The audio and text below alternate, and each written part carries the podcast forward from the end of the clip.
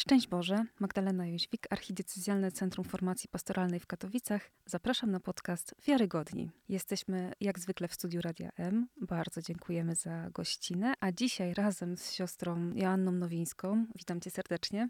Witaj Medziu. Chcemy wrócić do Księgi Syracha i zająć się trochę jej kolejną częścią i ostatnią. I tutaj już nam się pojawia pierwsze pytanie, bo może Państwo spodziewali się, że podzielimy tą księgę Syracha tak równo po połowie, po 25 rozdziałów, żeby się łatwiej czytało. A my tutaj zrobiłyśmy jakiś taki dziwny zabieg, że właściwie ta pierwsza część była taka dość obfita, jeśli chodzi o ilość rozdziałów, a teraz została nam tylko taka końcówka. Dlaczego taki podział? To też, żeby Państwo wiedzieli, y, sprawcą tego podziału jest obecna tutaj Joanna. E, tak, jest absolutnie celowy podział, dlatego że to właśnie w, e, w 15 wersecie 42 rozdziału zmienia nam się absolutnie klimat, dlatego że uwaga autora natchnionego e, przesuwa się z analizy codzienności, problemów codzienności, naszych odniesień do tej codzienności na wychwalanie Boga. I teraz pojawią nam się tutaj takie dwa aspekty. Pierwszy to wychwalanie Boga Stwórcy, czyli wychwalanie Go w stworzeniu. A drugi element to wychwalanie go w historii. I tu też warto zaznaczyć, że Izrael ma spojrzenie teologiczne zarówno na swoje dzieje, jak i e, na kwestie ziemi, e, jak i no, to z kolei nie dziwi na kwestię świątyni. Dlatego mówi się wprost e, w odniesieniu do sposobu patrzenia Biblii na te realia o teologii historii, teologii ziemi i teologii świątyni. Dlatego też oddzieliłam te fragmenty, tą część od 42-15, ze względu na to, że mamy tu zupełnie inne ujęcie. Zresztą jak za chwileczkę zobaczymy, znacznie częściej pojawia nam się odniesienie do Boga i on ujawnia nam się tutaj nie tylko jako działający, ale przede wszystkim jako ktoś najwyższy. I to określenie będzie też e, bardzo częste e, właśnie w tych fragmentach, z zaznaczeniem jego działania. Więc zaimki dzierżawcze również będą tutaj królować i każda z postaci E, później w tej e, tak zwanej pochwale ojców, która rozpoczyna się od 44 rozdziału, każda z postaci będzie opisana przez pryzmat przynależności do Jahwe i właściwie działania Boga w życiu tej postaci poprzez nią. Mhm. Ale zanim przejdziemy do pochwały ojców, to faktycznie też chyba warto się przyjrzeć na sekundkę chociaż e, tym dwóm rozdziałom, w których e, mamy rzeczywiście taką uwagę i takie skoncentrowanie na stworzeniu, na dziele stworzenia. I moją, nie tak jakoś tutaj to e, dotknęło, że rzeczywiście jest to opis stworzenia e, taki z rozmachem, jakimś takim zachwytem nad niepojętością tego stworzenia, nad tym, że ono przekracza nasze rozumienie, nasze wyobrażenie i w ten sposób możemy odkrywać Boga, który właśnie jest jeszcze większy niż e, to stworzenie, które możemy oglądać, możemy go doświadczać, ale i tak go nie pojmujemy, a co dopiero Boga, który z jednej strony jest ostatecznie większy niż wszystko, a z drugiej strony jest panem tego całego stworzenia. To jest ciekawe bardzo, bo oddaje nam również już e, stopień zmiany języka. Mhm. Dlatego, że kiedy czytamy Księgę Rodzaju, e, to mamy do czynienia z tekstem e, zredagowanym gdzieś około V wieku przed naszą erą, gdzie nie jest tak e, wysublimowane słownictwo i jeszcze nie ma tego wpływu greckiego. Na razie są tylko wpływy perskie przy redakcji Księgi Rodzaju. Tutaj natomiast mamy do czynienia z księgą powstałą prawdopodobnie w II wieku przed naszą erą, więc już e, po takim długim oddziaływaniu helleńskim i literatury i sposobu myślenia i też takiej inspiracji do zmiany słownictwa, w związku z czym ta refleksja jest nieco bardziej wysublimowana i padają nam tutaj abstrakcyjne określenia, bo tak jak język hebrajski będzie tylko w niektórych tekstach odwoływał się do Jahwe jako do El Elion, czyli Boga Najwyższego, mhm. E, tak e, Syrach to będzie robił bardzo często, zarazem też jakby wkładając czy wiążąc z Panem Bogiem czynności, o których e, do tej pory nie było mowy, nawet u Deutero Izajasza, czyli nawet w tej środkowej części proroka. Izajasza, bo mamy tutaj Boga, który nie tylko bada otchłań i bada serce ludzkie i znak nowania, bo moglibyśmy powiedzieć, dobra, psalm 139. Tak, to już było. Tak, Mhm. ale też nie wiemy, czy redakcja psalmu Tak, 139 nie jest późniejsza Mhm. e, niż e, ten fragment, ale też mamy Boga, którego chwała napełnia jego dzieło. Dalej mamy Boga, który patrzy na wszystko, ale też nie dozwala świętym pańskim opowiedzieć wszystkich swoich dzieł godnych podziwu. E, Więc mamy do czynienia z już z postępem, jakby ze zmianą sposobu patrzenia, no bo zmian, zmienia się cywilizacja, zmienia się jakby kondycja autora natchnionego. I myślę, że to jest też genialny tekst, który pozwala nam zauważyć, co to znaczy, że w Biblii funkcjonują te trzy prawa ciągłości, rozwoju i transpozycji. Czyli, że Biblia ciągnie dany motyw, ale go rozwija, bo rozwija się człowiek, który o nim Mhm. opowiada i rozwija się jego sposób odbioru Bożego natchnienia. W związku z czym e, mamy do czynienia ze zmianą słownictwa, ale zarazem proszę zwrócić uwagę, że mamy też do czynienia z właśnie z tym, co ty wyakcentowałeś, z tym rozwojem fascynacji, że ona jest intensywniejsza, Mhm. bo człowiek znajduje do niej powody. Czyli zalecamy, myślę, że to dobra będzie zachęta, żeby sobie przeczytać ten fragment razem z Księgą Rodzaju, z pierwszym rozdziałem. Myślę, że to będzie ciekawe zestawienie, żeby sobie zobaczyć, jak mamy ten pierwszy opis stworzenia, który myślę dobrze znamy, a jak mamy drugie spojrzenie na stworzenie, które no, może rzadziej czytaliśmy, a może, może to dopiero pierwsza nasza lektura. Tak, jak Państwo czytaliście Hioba e, wcześniej, Z nami oczywiście. tak, mamy taką nadzieję, że również z nami, to pewnie też od, y, odnajdujecie Państwo tutaj u Syracha jakby postęp w tym opisie stworzenia, y, gdyż u Hioba ono jest bardzo takie zantropomorfizowane, to znaczy y, Bóg ukazuje się jako traktujący stworzenie jako swoiste swoje dziecko które y, tak formuje na bieżąco. Natomiast y, tutaj Syrach patrzy z pewnego dystansu. Opowiada o procesach, które go Mhm. fascynują i dostrzega ich wielkość właśnie, a tym samym też transcendencję, czyli Boga przekraczającego te procesy de facto. Jest y, niesamowite, bo też możemy powiedzieć, kurczę, fajnie ta różnorodność ludzi percepujących Boże dzieło się mieści w tekście biblijnym. Teraz nie, ma, nie trzeba takiej unifikacji, że będziemy wszyscy tak samo funkcjonować, ale wszyscy się lokujemy doskonale w tym jednym odniesieniu do Boga, chociaż każdy z nas zupełnie inaczej w danym momencie jest w stanie o nim mówić, czy go po prostu odczuwa. Mhm. Czyli jeszcze dokładamy Hioba. Końcówkę księgi Hioba Tak. do przypomnienia sobie i może właśnie do takiej analizy, żeby sobie zobaczyć właśnie, że to jest ta sama rzeczywistość, bo chodzi o stworzenie, o dzieło stworzenia, o, ostatecznie o stwórcę, ale w inny sposób opisana i zapraszamy Państwa, żeby zabawić się w takich biblijnych detektywów i trochę właśnie najpierw tak może bardziej analitycznie, ale potem, żeby też może tak e, pozachwycać się trochę też tym, e, jak człowiek odbiera to, o czym powiedziałaś, to Boże objawienie, tak? to, to, to przeżywanie tej relacji e, z Bogiem. To jest też niesamowite, dlatego że jak popatrzymy sobie na 43 rozdział i wersety od 26, to nagle otrzymujemy w puencie tego wielkiego poematu, można było powiedzieć, tej wielkiej takiej e, eulogii na temat Boga. Mamy to stwierdzenie, dzięki niemu powiedzie się w drodze jego posłańcowi. To Bóg jest sprawczy. I przez jego słowo wszystko układa się w całość. I to jest ciekawe, bo tu trochę pachnie nam kocheletem też. Wiele moglibyśmy mówić, ale do końca byśmy nie doszli. Zakończeniem zaś mów, niech będzie On jest wszystkim. Zatem mamy Boga, który Kochelet. E, tak, który zostaje tutaj mm, jakby ujęty zarazem w sformułowaniu, które jest na tyle zdystansowane, że, że wyraża to, że nie da się Boga ująć. Zatem Bóg jest wszystkim, ale nie jesteśmy w stanie powiedzieć, co to jest to wszystko. I znowu mamy, na początku Bóg stworzył niebo i Mhm. ziemię, czyli wszystko, co się kryje pod tym wszystko. Y, To, co my w danym momencie percepujemy. To jest to, czego możemy doświadczyć, co możemy zobaczyć, a z drugiej strony, tak jak powiedziałaś i tak jak mówi nam tu Księga Syracha, e, jest jeszcze więcej niż to, co jesteśmy w stanie pojąć i zobaczyć i ogarnąć po prostu z samym sobą, tak? Dobrze, przejdźmy do tych ojców, do tej pochwały ojców. I tutaj, no, pojawia się szereg pytań, dlaczego właśnie te postacie zostały wymienione. tutaj, jeśli jeszcze Państwo nie czytali, albo jeśli słuchają naszego podcastu bez Pisma Świętego przy sobie, a zachęcamy jednak, żeby mieć przy sobie, to tylko przypomnę, że mamy tu mowę o Henochu, o Noem, o Abrahamie, o Mojżeszu, o Aaronie, jeszcze wcześniej Izaaku i Jakubie, o Pinchasie, o Jozue i Kalebie.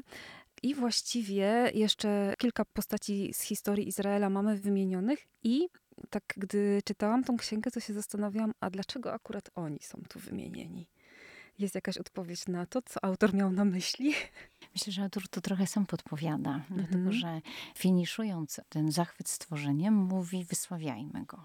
I e, wysławiajmy go w jego dziełach, wysławiajmy go uznawajmy wartość jego działania e, i tak samo też rozpoczyna pochwałę ojców, wychwalajmy mężów sławnych i ojców naszych w kolejności ich pochodzenia, to Pan stworzył wielką tę chwałę. I tu mamy podany klucz do wyboru tych postaci. Zatem w każdej z nich jest zaznaczony jakiś element, jakiś aspekt życia, na którym szczególnie widać Bożą wartość, bo kiedy przywołamy sobie semantykę hebrajskiego słowa, słowa kabot, tłumaczonego na polski jako chwała, to spotykamy się z czymś znacznie bardziej nasyconym, mianowicie kabot oznacza wartość. Mhm. E, czyli e, jeżeli ja widzę tę wartość, uznaję ją rozumowo, e, dalej wyznaję ją ustami, to oddaję Bogu chwałę. Zatem w przypadku stwierdzania, że wychwalamy Pana Boga, to nie jest tylko szukanie różnych takich synonimicznych względem siebie epitetów, które sprawią Panu Bogu przyjemność, będą takie trochę litanijne, mhm. gdzie w naszej głowie Poza intencją wysławiania Pana Boga niewiele będzie się kryło. Zatem zaproszenie do wysławiania Boga w ojcach oznacza, że w każdym z nich jest coś fenomenalnego, coś, co pokazuje tak naprawdę wielkość Boga. I spotkałam się z taką koncepcją, e, z takim badaniem przeprowadzonym przez egzegetów, e, że można by spojrzeć na te postaci od innej strony, to znaczy jakby nie pytać, dlaczego akurat te jednostki, mhm. tylko przyjrzeć się, jakie cechy je łączą. I tutaj e, między innymi przez Szekana są, czy Corleja, takich egzegetów są wyłuszczane cechy, takie jak panowanie, męstwo, umiejętność doradzania, proroctwo, prawodawstwo, czyli też ostrzeganie i znajomość pism, mądre nauczanie, umiejętność realizacji tych bożych charyzmatów typu muzyka, poezja, ale także bogactwo czy umiejętność życia z bogactwem w pokoju. Niemniej, oczywiście, y, kryterium podejścia do danego tekstu y, no, wybieramy sami. Jest pytanie też, co narzuca nam dany tekst. Więc jeżeli y, byśmy teraz przyjrzeli się po kolei postaciom, to widzimy, że pierwsza rzeczywistość zaznaczająca się w nich bardzo istotnie to jest działanie Boga. Druga to mamy wrażenie, że te postacie wszystkie są postrzegane przez jakiś pryzmat. A ponieważ znamy pierwszą część księgi Syracha, to zdajemy sobie sprawę, że raczej tutaj optyka będzie dydaktyczna, czyli y, co y, z tych postaci w sposób szczególny inspiruje nas do oddawania chwały Bogu. Mhm. I wydaje się, że tu nie tylko y, wchodzi kwestia pamięci, czyli uszanowania takich kluczowych postaci w dziejach Izraela. Jest pytanie na przykład, dlaczego pojawia się Natan? On nie jest kluczową postacią w dziejach Izraela. No, to możemy... zależy dla kogo. E, tak, no ale możemy powiedzieć, no Piłat w credo, mhm. e, ale ten klucz jest właśnie specyficzny, bo mhm. pojawia się Pinchas, który też nie jest kluczową to postacią. To chyba ten Natan bardziej niż ten Pinchas. To zależy, tak, tak to ma jakie zależy. upodobania. Mhm. Natomiast e, myślę, że moglibyśmy się tu spodziewać na przykład Gedeona, a go nie mamy. E, moglibyśmy się spodziewać Józefa. Egipskiego. Tak, a on mhm. zostaje jedynie wspomniany. Mhm. Moglibyśmy się spodziewać Izajasza. On zostaje tu jedynie wspomniany w kontekście Ezechiasza. E, zatem, co jest e, tak fenomenalnego w danych postaciach, że one zostają przywołane? No bo też trzeba przyznać, że nie odmówimy ani Gedeonowi, ani Izajaszowi, ani Józefowi egipskiemu, że rzeczywiście doświadczyli działania Boga i że to działanie Boga było widoczne w ich historii, prawda? To raczej to kryterium spełniają, więc raczej nie chodzi tutaj o to, że im brakowało i dlatego się nie pojawiają, więc musi chodzić o coś innego. Tak, Józef zostaje wspomniany zaledwie w jednym zdaniu, w wersecie 15, 49 rozdziału. I mamy tylko konstatację, że był zwierzchnikiem braci podporą ludu, którego kości takiej czci doznały, no ale obok niego zaraz się pojawiają Sem i Set, i zastanawiamy się, człowiek się zastanawia dlaczego. Mhm. Zatem e, proponuję, żebyśmy się przyjrzały poszczególnym postaciom, żeby móc później wywnioskować, dlaczego one e, zostają wybrane i jaki klucz został nam tutaj e, zastosowany. Zaczynamy od Henocha? Tak, zaczynamy od Henocha i co jest ciekawe, że zostają poprzedzone kryteriami, które wymieniłam, które wydają się niektórym egzegetom kluczowe do patrzenia na te postaci, ale na przykład w odniesieniu do Henocha nie mamy mowy ani o jego panowaniu, nie mamy mowy ani o jego niewiarygodnych czynach. E, otrzymujemy tylko informację, że się spodobał Panu i został przeniesiony. I co jest znamienne, że Henoch bez y, charakterystyki staje się przykładem. Mhm. Y, zatem wydaje się, że on już nakreśla nam tutaj punkt przyłożenia. Co możesz zaczerpnąć y, z danej postaci? W przypadku Noego kluczowe wydają się dwie cechy sprawiedliwość, co zresztą też jest wyakcentowane w Biblii, ale dalej wieczne przymierze. Mhm. I nagle popatrz, e, że postać, która, której dzieje zajmują od szóstego do dziewiątego rozdziału Księgi Rodzaju, zostaje nam tutaj zawarta w dwóch wersetach, tylko z dwoma akcentami. Mhm. Pierwszym i ostatnim swojej historii. Tak naprawdę dokładnie o to chodzi, tak, rzeczywiście. I nagle mamy do czynienia z pewnym zamknięciem też. Tak jak Henok, który spodoba się Bogu, zostaje przeniesiony. Czyli mamy i początek, i koniec. Mhm. Więc jakby takie zaznaczenie, że życie tych ludzi stanowi pewną całość, e, która ma sens przed Bogiem, a my czerpiemy z tej całości. Mhm.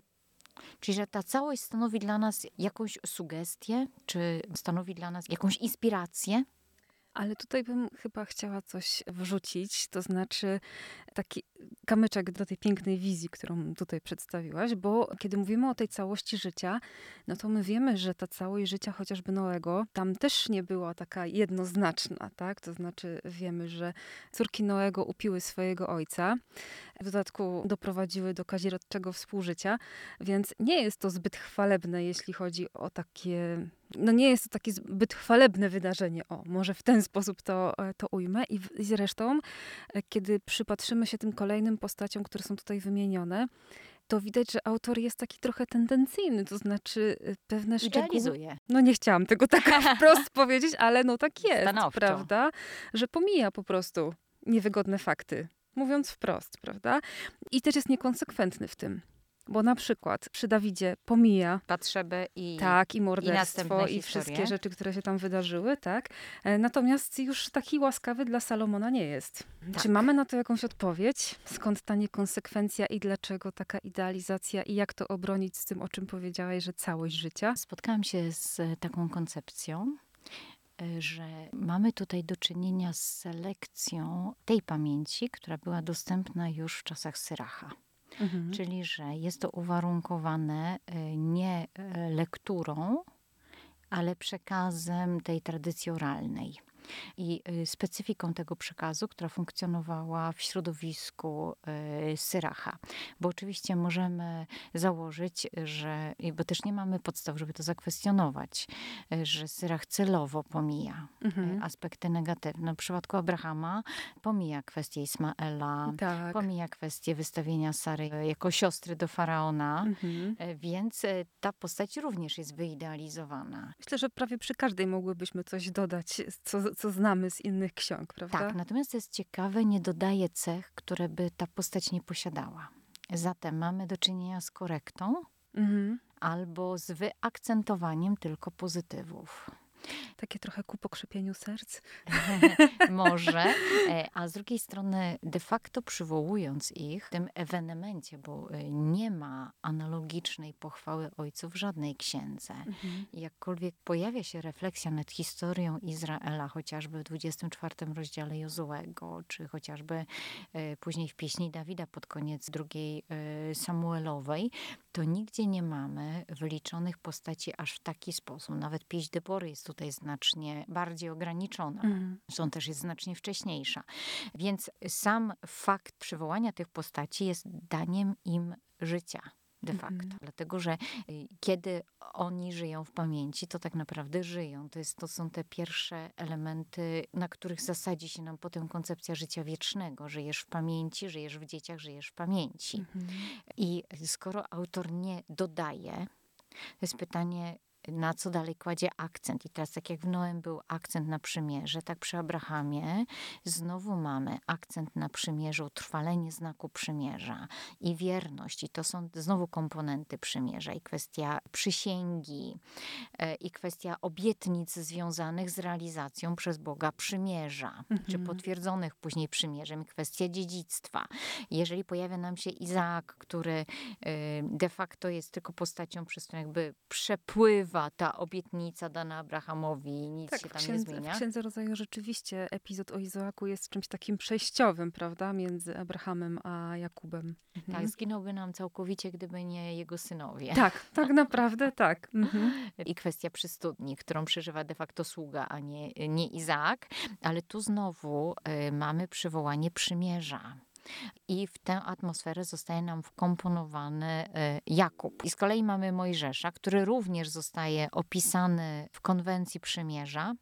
Dlatego, że pod koniec tekstu dotyczącego jego osoby mamy stwierdzenie, że Pan Bóg mu usły- pozwolił usłyszeć swój głos, aby e, Jakuba, czyli aby całą społeczność nauczyć przymierza i rozporządzeń. Czyli odsłania nam się kolejny aspekt przymierza, czyli tej specyfiki układu Boga z Izraelem, która funkcjonuje z racji inicjatywy Pana Boga względem Izraela, która jest ewenementem, bo moglibyśmy powiedzieć, dobra, no wszystkie przymierza polegają na tym, że masz spełniać określone zadania w stosunku do swego suwerena, jesteś wasalem i nie masz za wiele do gadania. A tu mamy Boga, który tak naprawdę najbardziej swojego wasala obdarowuje i łazi za nim permanentnie, co nie ciągnie go, ciągle go ustawia, daje mu prawa, żeby się nie pozabijali tam wewnętrznie, y, czy daje mu obietnice, czy potwierdza, czy wybacza, czy odnawia, odbudowuje to przymierze całe, kiedy Izrael je łamie. Więc to jest po prostu ewenement. Tu zaznacza się przy Mojżeszu ten aspekt relacyjny przymierza,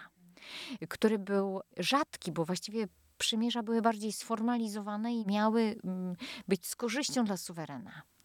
A No tak, tutaj, trudno przyznać, żeby Bóg miał korzyść z Izraela. Och, tak, bardziej kłopot. Tak, bo Prawda? też zresztą e, Bóg nie jest, Bóg w tym swoim e, działaniu i w tym, w tym dbaniu o swój lud nie jest naiwny. To znaczy on sobie zdaje sprawę z tego, że ten Izrael wielokrotnie łamie to przymierze. Tak? I przecież przez proroków będzie o tym, o tym mówić, będzie im to wszystko wypominać, ale to nie zmienia w ogóle jego wierności. Tak, ale też ze względu na ten fakt e, zostają nam tak zminimalizowane postaci w opisie, które nie są chlubne, jeśli chodzi o przymierze. I tutaj zwróć uwagę, że e, Roboamowi zostaje poświęcony jeden werset, Mhm. Jeroboamowi dwa wersety, Mhm. Ezechiaszowi trochę więcej, ale z tego względu, że on e, odbudowuje rzeczywistość. Mam tu na myśli wszystkich królów, bo Jozjasz, dla który, y, który również zostaje bardzo tak y, lapidarnie nam tutaj opisany, to Jozjasz jest człowiekiem, który y, prosto do Pana kieruje swe serce. Mhm. I tyle. Natomiast moglibyśmy zapytać, a gdzie jest, na przykład Ozjasz, gdzie jest Ahaz, gdzie jest Ahab, gdzie oni wszyscy są, prawda? Gdzie te postaci nam nagle zaginęły, gdzie jest Sedecjasz, Mhm. Nie ma ich, Jojakin i reszta świata. I teraz y, to pokazuje nam też, że tym kluczowym elementem wyboru jest pokazanie rangi przymierza Mhm. na samych dobrych przykładach. I co jest ciekawe, że tak jak pojawią nam się za chwileczkę sędziowie, gdzie nie padnie element przymierza, ale padnie kwestia wierności. Wierności w przestrzeni decyzyjnej, bo ich serca są sędziowie, których każdy jest własnym imieniem nazwany, czyli krótko mówiąc, w całej plejadzie różne jednostki. Mhm. Ale są też ci, których przestrzeń decyzyjna, serce nie zdradziły Pana, nie odwrócili się od Jahwe.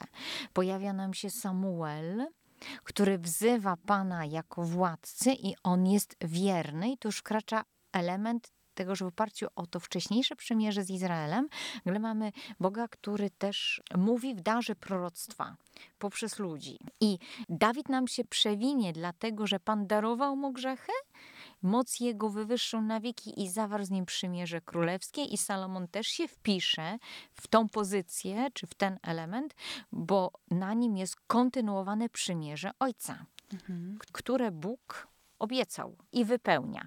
I potem, jak będą się nam pojawiali prorocy, to oni wszyscy pojawiają się po to, żeby jakby odnowić, czy y, tą świadomość przymierza uaktualnić. Niemniej przy nich y, nie pojawi się słowo przymierze, pojawi się tylko kwestia posłannictwa Mhm. przez Boga.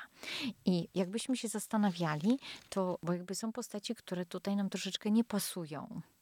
Na przykład. Na przykład e, rozwinięta bardzo charakterystyka Aarona i rozwinięta charakterystyka arcykapłana Szymona. I pojawia nam się tutaj pewna kwintesencja e, tego, co jest istotne dla czasów, w których żyje autor natchniony, czyli Syrach. Mhm. Czyli e, z racji wygaśnięcia monarchii, akcent, czy jakby tą przestrzenią realizacji przymierza, czy pilnowania przymierza, czy odnajdywania całego bogactwa przymierza jest kapłaństwo. Mhm. I stąd jest odwołanie do początku, czyli Aaron, i akcent na to, że da się dzisiaj, czyli Szymon. Niektórzy się nawet e, dziwią z egzegetów, że taka długa fraza jest poświęcona komuś, kto jest prawie że równoległy co do życia Mhm. e, z Syrachem, który nam Czyli też jeszcze też nie ma takiego autorytetu w historii, można by powiedzieć. Mhm. Tak, ale pokazuje to, że jest jakiś punkt odniesienia, czy jakaś taka y, miejsce zakotwiczenia tego przymierza właśnie w kapłaństwie teraz, no bo nie ma monarchii, Mhm. tak? Proroctwo wygasło. Mhm. Więc gdzie? No to właśnie w kapłaństwie. E, I jest to zaskakujące, bo moglibyśmy powiedzieć, no ale przecież e, kapłaństwo nie od tego jest. Mhm. Bo generalnie jest od kultu, od kontaktu, od ofiarniczości, ale to wszystko ma, jakby pamiętajmy, że ofiary wyrastają z przymierza. Więc składanie ofiary jest tak naprawdę przywołaniem przymierza, przynależności do Boga. Myślę, że y, niezwykle oryginalna koncepcja, jaką tutaj nam kładzie y, Syrach przed oczy, ciągle jakby pokazując, że mimo, że zmieniają się postaci, mimo, że na wielu z nich widzimy, że oni nie dochowali wierności przymierzu, że to przymierze wydawało się już takie jakby zlekceważone przez całego Izraela, to mamy jednak do czynienia z kontynuacją. Że ono się gdzieś Dzisiaj. ciągle odradza, że tam ciągle gdzieś wracają do tego przymierza w różnych przestrzeniach, można powiedzieć, swojego, no, swojego życia jako po prostu ludu. Tak, i że realizuje się to i indywidualnie, bo Mhm. mamy tu jednostki i mamy też proroków, czyli w, w takiej komunikacji personalnej Mhm. poszczególnych osób, ale realizuje się nam także w jakby w, w przestrzeni wspólnoty, no bo kapłaństwo jednak w tym klimacie się nam ukazuje, czy realizuje, jakkolwiek by to nazwać. Dobrze, skoro tak Syrachowi zależało na, to, na tym, żeby e, to kapłaństwo jakoś zaznaczyć jako tą przestrzeń, w której szczególnie się realizuje e, to przymierze, przynajmniej w jego czasach, to co takiego szczególnego jest w tym kapłaństwie? E, W środku opisu postaci Aarona Mhm. I na początku opisu pojawia się właśnie ten motyw przymierza, że Pan Bóg zawiera e, z nim wieczne przymierze, co nam pokazuje, że kapłaństwo jest e, usankcjonowane w sposób analogiczny do monarchii. Bo generalnie określenie wieczne przymierze pada przy Dawidzie. To jest druga Samuelowa, siódmy rozdział. I nie mamy do czynienia z przymierzem Boga zawartym z Aaronem. No tak, no bo to są czasy Mojżesza. Tak, więc to jest przymierze synajskie zawarte Mhm. z całym Izraelem. E, Zatem ta e, interpretacja sugeruje, że e, jakby kapłaństwo wchodzi trochę w ten ślad monarchii Mhm. i kontynuacja obietnicy danej Dawidowi dokonuje się w kapłaństwie. Tutaj można by było pociągnąć fakt, że Dawid wcześniej, przecież Dawid też składa ofiary. To Dawid jest pomysłodawcą budowy świątyni, aczkolwiek wiemy, że ten pomysł troszeczkę troszkę jest taki y, od czapy, no bo pierwsze powinno pojawić pytanie do Boga, gdzie, jak tak, i czy, Tak, tak, tak. Mhm. e, a nie decyzja podjęta za Boga. Przecież bóstwo wybiera Mhm. przestrzeń kultu i sposób kultu i zewnętrzny anturaż. I co jest ciekawe, że w środku opisu postaci Aarona znowu nam się pojawia przywołanie przymierza, gdzie jest stwierdzenie w 15 wersecie, że Mojżesz wprowadza Aarona w czynności kapłańskie i namaszcza go olejem świętym i to stało się dla niego wiecznym przymierzem i dla jego potomstwa. Zatem kontynuacja w przestrzeni namaszczenia, co nam znowu przywołuje obecność Bożego Ducha i gdzieś daje, nam taki przedsmak e, Mashiach, czyli Mhm. Mesjasza Mhm. skoro namaszczony, skoro też lider, skoro, no właśnie to co, król czy kapłan. Mhm. I akcenty, które nam się tutaj pojawiają, które nam jakby sankcjonują y, wybór czy umieszczenie y, w pochwale ojców, właśnie e, kapłanów, to jest pierwsza, pierwsza rzecz, to kontakt z Bogiem. Bo przecież kapłan ma ten pektorał rozstrzygnięć dla, dla ujawniania prawdy, gdzie znajduje się e, Tumim i Urim, służące do pytania Boga w tych kwestiach najbardziej newralgicznych, do formułowania przed Bogiem pytań zamkniętych, e, na które odpowiedź e, zostanie udzielona jednoznacznie przez wyrzucenie albo Urim, albo Tumim. Nie wiem, czy to były dwa kamyczki, czy jeden o dwóch stronach. Mhm. Dzisiaj tego nie wiemy, chociaż współcześnie Żydzi to sobie wyobrażają jako dwa oddzielne kamyczki. Kolejny element to jest element piękna.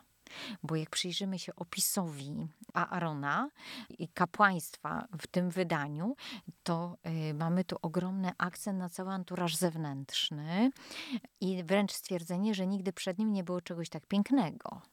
Y, To jest niesamowite, dlatego że zazwyczaj ten epitet jest y, stosowany w odniesieniu do kobiet czy do jakiegoś wyposażenia, Mhm. a nie w odniesieniu do, do, do mężczyzny i, czy do y, odzienia związanego z kultem. Piękno natomiast jest y, w koncepcji biblijnej sposobem oddania czegoś mądrego i dobrego i takiego zamysłu Boga co do tożsamości. Ale to też jest takie greckie. Bo przecież ta koncepcja dobra i piękna to jest, jest takie to z tej kultury, Mówisz prawda? o Kalokagati. A, dobra. Tak, tak, tak, dobrze, dobrze. E, Mhm. Natomiast e, co jest ciekawe, że mentalność semicka bardziej łączy w tow e, mądrość i dobro. Mhm. I tu faktycznie widzimy i wpływ grecki, natomiast e, jest też w, e, w Biblii częste odniesienie do piękna. E, Niemniej ono jest w innych, w innych kontekstach się pojawia. No, nie, nie pojawia się w kontekstach kultycznych. Tam nie Mhm. gra roli.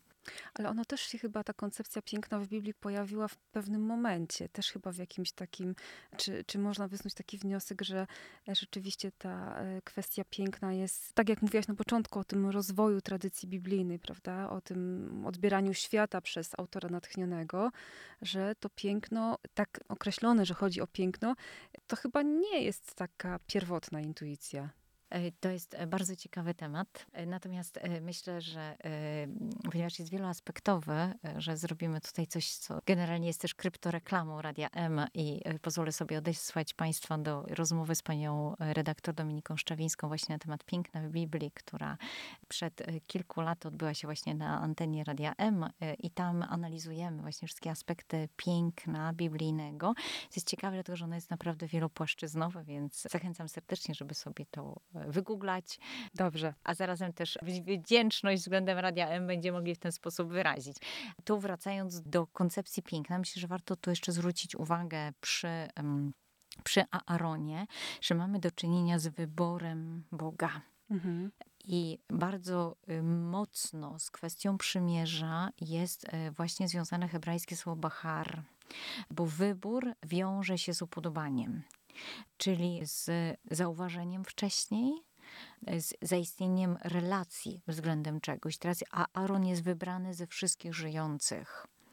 I kolejna sprawa, że kiedy pojawiają się przeciwnicy, w odniesieniu do Aarona, to obrońcą jego staje się Bóg. Mhm. Ponieważ cała sprawa nie dotyczy osoby Aarona, ale dotyczy tego, kim on jest w przymierzu z Bogiem. To jest niesamowite, dlatego że z jednej strony, jakby na Aaronie i na kapłaństwie nie realizują się obietnice wynikające z przymierza, bo nie ma działu ziemi. Ale sam Bóg staje się dziedzictwem, więc moglibyśmy powiedzieć, no, otrzymują coś znacznie więcej, a zarazem w, takich, w takim odniesieniu. realiach. No mhm. to niekoniecznie. I teraz, jak popatrzymy sobie na, na Pinhasa, Pinhas to jest postać przywołana z Księgi Licz, który był synem Eleazara, syna Arona. Mamy e, do czynienia z tą postacią w 25 rozdziale Księgi Liczb, który zapłonął gniewem wobec chodzenia w relacje Izraelitów e, z Madianitkami, e, doprowadzało do e, odchodzenia Izraela od e, kultu Jahwe. I teraz mhm. przywołanie Pinchasa tutaj jest ewenementem, tym bardziej, że pada stwierdzenie, że Pan zawarł z nim przymierze pokoju. Czyli w tych akcentach, które nam się tutaj pojawiają w odniesieniu do kapłaństwa, znowu wraca nam kwestia przymierza, czyli kwestia bliskości z Bogiem, relacji z Bogiem, e, ze względu jakby czy na potwierdzenie też postaw tych osób e, w odniesieniu do wyłączności Boga, do wyjątkowości Boga. I teraz, kiedy e, przeniesiemy się do e, Szymona, to w jego osobie zostaje wyakcentowana najpierw rozbudowa całej przestrzeni ofiarniczej, i tak naprawdę zaproszenie, e, czy stworzenie przestrzeni dla całego Izraela do tego, że mógł się spotykać z Bogiem. Czyli tutaj już przymierze jakby zostaje ukazane nie tyle w aspektach tego, co się wydarzyło wcześniej, ale w konwencji dzisiaj się dzieje, czyli dzisiaj wchodząc do świątyni, dzisiaj widząc to, co Szymon przygotował, możesz jakby partycypować w tym przymierzu. Możesz w sposób aktywny uświadamiać sobie, czy wchodząc w to, możesz sobie uświadamiać, jaki wielki dar otrzymujesz od Boga, czyli uczestnicząc we wszystkich obrzędach, służbie, w ofiarach, mhm. doświadczasz, na czym polega błogosławieństwo Boga, którego On ci udziela w oparciu o przymierze. I to jest niesamowite, dlatego że e, z jednej strony mielibyśmy wrażenie, że to jest tylko taki proces dydaktyczny, a z drugiej strony mamy serial, który jakby ręką nam pokazuje, idź teraz tam. Tam właśnie w świątyni doświadczysz tego, co znaczy e, przymierze Jachwę. Nic więc dziwnego, że e, zachęca nas, no teraz po tym wszystkim błogosławcie Boga i On przechodzi też do swojego indywidualnego błogosławieństwa, trochę takiego na bazie autopsji mhm. na sam koniec. E, myślę, że dla mnie, jak, jak Ciebie słucham, i myślę, że też dla naszych słuchaczy, będzie to trochę takie inne spojrzenie na księgę Syracha, a zwłaszcza na tą, na tą końcówkę tej księgi, dlatego że wydaje mi się, że tą kategorię przymierza tak mocno kojarzymy z księgą wyjścia, prawda? Ewentualnie jeszcze liczb i powtórzonego prawa, ale gdzieś przy tej księdze, którą no, moglibyśmy, i też tak było w naszej poprzedniej rozmowie, mówiłyśmy o tych wpływach greckich, mówiłyśmy o tym kontekście kulturowym, o tym rozwoju, a okazuje się, że właśnie Syrach próbuje dokonać trochę takiej integracji. To znaczy, tak, on widzi ten akcent na tą codzienność, co widziałyśmy w pierwszej części naszej rozmowy, ale jednak Izrael jest Izraelem, jest ludem przymierza. I tutaj w tej pochwale ojców rzeczywiście no chyba nie da się tego po prostu w ogóle pominąć, w sensie nie da się zrozumieć chyba tej pochwały bez tej kategorii przymierza, bo jeżeli skupimy się na właśnie tych oryginalnych cnotach, jakichś tutaj cechach charakterystycznych tych mm, postaci, e, no to trochę będziemy na takim ciągle poziomie dydaktycznym, trochę moralizatorskim, że popatrzcie, jakie tutaj mamy świetlane postacie e, z historii, a gdy przyłożymy do tego tą koncepcję przymierza, to znowu e, nasze oczy są utkwione w Bogu, który wybiera. W Bogu, który wybiera, który jest wierny, który podtrzymuje w tej wierności i który otwiera tą przestrzeń przymierza tak naprawdę dla każdego ostatecznie. Tak, i niesamowita jest dla mnie ta ostatnia fraza, czyli ten mhm. ostatni rozdział, gdzie autor natchniony zaprasza nas trochę w swoje wnętrze mhm. e, i kładzie nam akcent na na tą przygodę poszukiwania, mhm. gdzie e, z jednej strony wskazuje nam e, na swoją pasję, czy dzieli się z nami swoją pasją, e, a z drugiej strony mówi o walce, którą równolegle z tą pasją musi toczyć, żeby nie spuścić oczu z Boga. Mhm. I to jest niezwykłe, dlatego że dalej mówi, że dzięki temu uzyskuje umiejętność przekazu. Dzięki temu, że szuka, dzięki temu, Tak, że... dzięki Mhm. temu, że szuka, dzięki temu, że walczy, dzięki temu, że wszystko w nim się porusza, czyli ta pasja y, jest kontynuowana i on jej y, jakby poświęca swoje siły, to Pan Bóg daje mu język jako zapłatę. I stąd mówi, mogę przekazać wam. Mhm. No jako pasjonatki to coś o tym wiemy.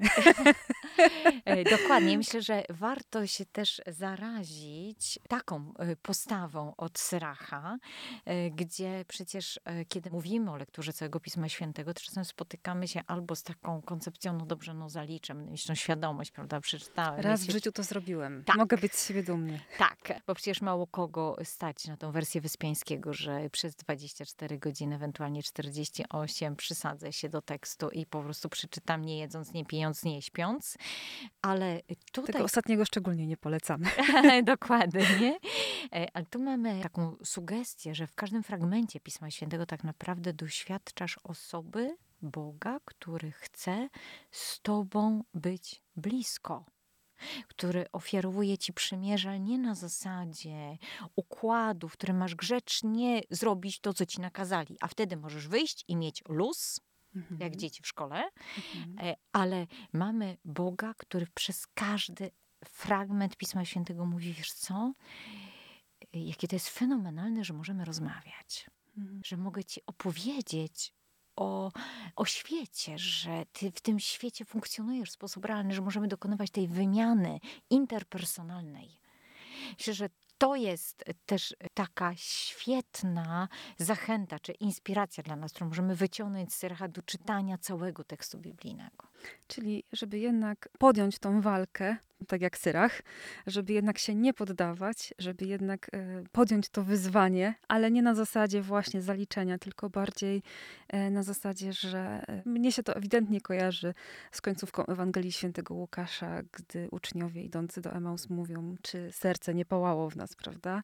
Jak mamy problem z naszym sercem, że ono jednak trochę nie pała, to chyba właśnie to przylgnięcie do słowa będzie najlepszą receptą, jaką, jaką możemy sobie dać, prawda? Jak mamy rozbudzić w sobie tą, ten zapał, ten entuzjazm, tą pasję po prostu relacji z Bogiem. Jeśli nie przez Jego słowo, myślę, że wszystkie inne rzeczy, które byśmy podjęli, będą nas jednak trochę w pelagianizm wprowadzać, a o pelagianizmie to może jeszcze w innym odcinku. Dziękuję Ci bardzo za dzisiaj. Wzajemnie media. Zapraszamy do lektury ostatniej części Księgi Syracha. Spotkamy się jak zwykle za miesiąc, w drugi czwartek miesiąca i zaprosimy do kolejnego tekstu biblijnego. A dzisiaj, jak zwykle, byłyśmy w studiu Radia M. Za gościnę bardzo dziękujemy. Szczęść Boże. Szczęść Boże.